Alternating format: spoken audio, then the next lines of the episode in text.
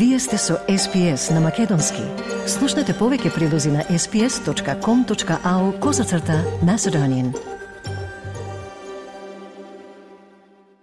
Да го прославиме живописното културно наследство на Австралија, овој Божич може да биде доста едноставно, со заменување на вообичаените состојки во нашите кујни со автохтони шумски плодови – преку разговори за овие домашни алтернативи, за нивното потекло и нивната употреба, не само што ја прославуваме, туку и се доближуваме на богатата таписерија на австралиските традиции. Автохтоните шумски плодови се во центарот на вниманието во последно време, но откривањето и учењето за тоа како може да се користат секојдневно во нашите кујни е како предизвик на непозната територија. Демиен Култарт, човек од Адња Махтхуна, од Flinders Rangers, е автори на куварот First Nations Food Companion Varanju во воведување на австралиски состојки во нашата кујна. Тој вели дека исто како и секоја готварска авантура, вклучувањето на австралиските состојки бара подготвеност за учење и истражување и дека нема подобро време да се впуштите во оваа вкусно истражување од оваа празнична сезона.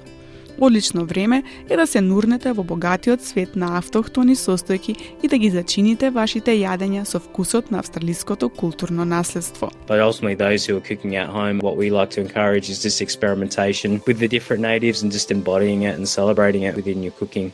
So for Christmas, how many different meals they get brought out, salads to desserts to beverages, hot and cold to, to cocktails. There's a range of different ways they can use it and access that and there's many different recipes online as well. Наместо да се обидете да сготвите сосема нов рецепт со автохтони состојки, размислете да ги замените вашите редовни состојки со австралиските домашни сорти. Например, во салатите може да го замените спанаќот со Warringal greens или аспарагусот со самфирот. Кога станува збор за главните јадења, би можеле да ги маринирате или зачините вашите оброци со автохтони состојки. The mains for Christmas for us, generally it is warm food, so it's your turkey, it's your chicken, it's it's your fish, it's your lamb. So if you're thinking of preparing a lamb, maybe it's preparing that with with saltbush or your chicken or your turkey using Geraldton wax. The Geraldton wax has that beautiful citrus flavour that can be stuffed under the skin. Or if you're someone who absolutely loves fish or anything from from the ocean. So I'm thinking snacks like oysters with finger lime or prawns with finger lime. Арабера Даглас, жена од Мин Юн Бул,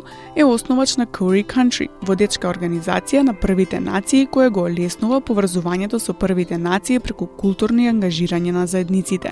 Таа сугерира дека кога разгледуваме домашни состојки, едно од првичните прашања што треба да си го поставиме е што е достапно во летото во јужната хемисфера. So if anyone was to say to me, what is a native or a traditional Christmas from a First Nations perspective?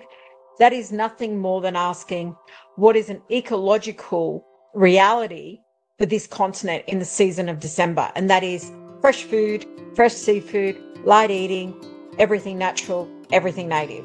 Prawns and seafood. They are extremely on point, both they're native, of course, all seafood is native, but seafood is exactly what we should be eating. Морската храна е задолжителна за семејството Даглас, а трикот е правење на зачини кои што одат со неа, објаснува таа. You know, we're a common family in the sense that we do all the range of things like fish, seafood, meats, all on the same day.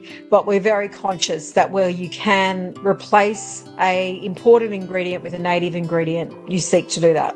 So that's what we try to do. Десертот Павлова исто така има значење за време на австралиската празнична сезона и служи како идеален канвас за интегрирање на домашните состојки. Everyone loves a pavlova. We've got strawberry gum pavlova. The cream is infused with um, wattle seed. So once again, you've got two native ingredients straight off the bat there. You know, what better than having fruit as well? We have it with fruit mixed with a combination of traditional fruit, traditional in the way of 60,000 years of age. So I'm thinking of the Kwangdong, dives some plum.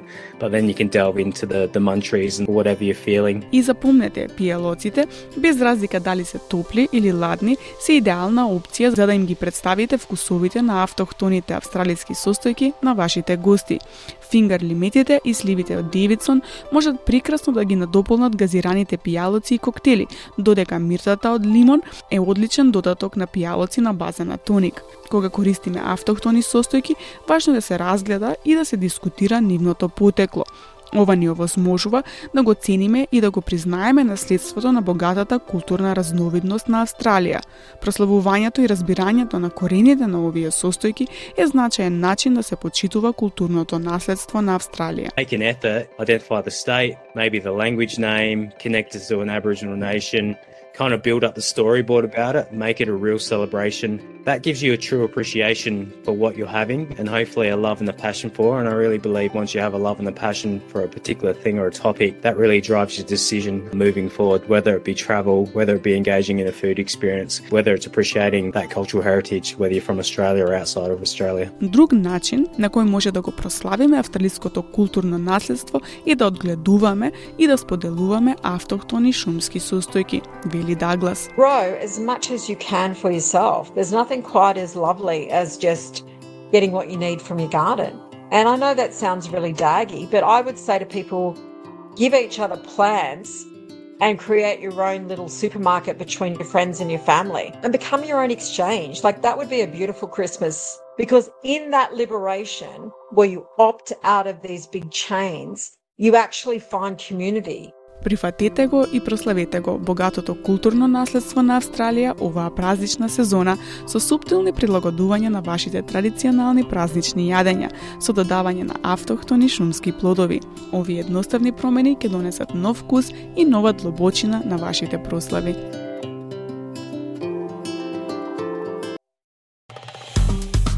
Стиснете, ми се допаѓа, споделете, коментирајте. Следете ја SPS на Македонски на Facebook.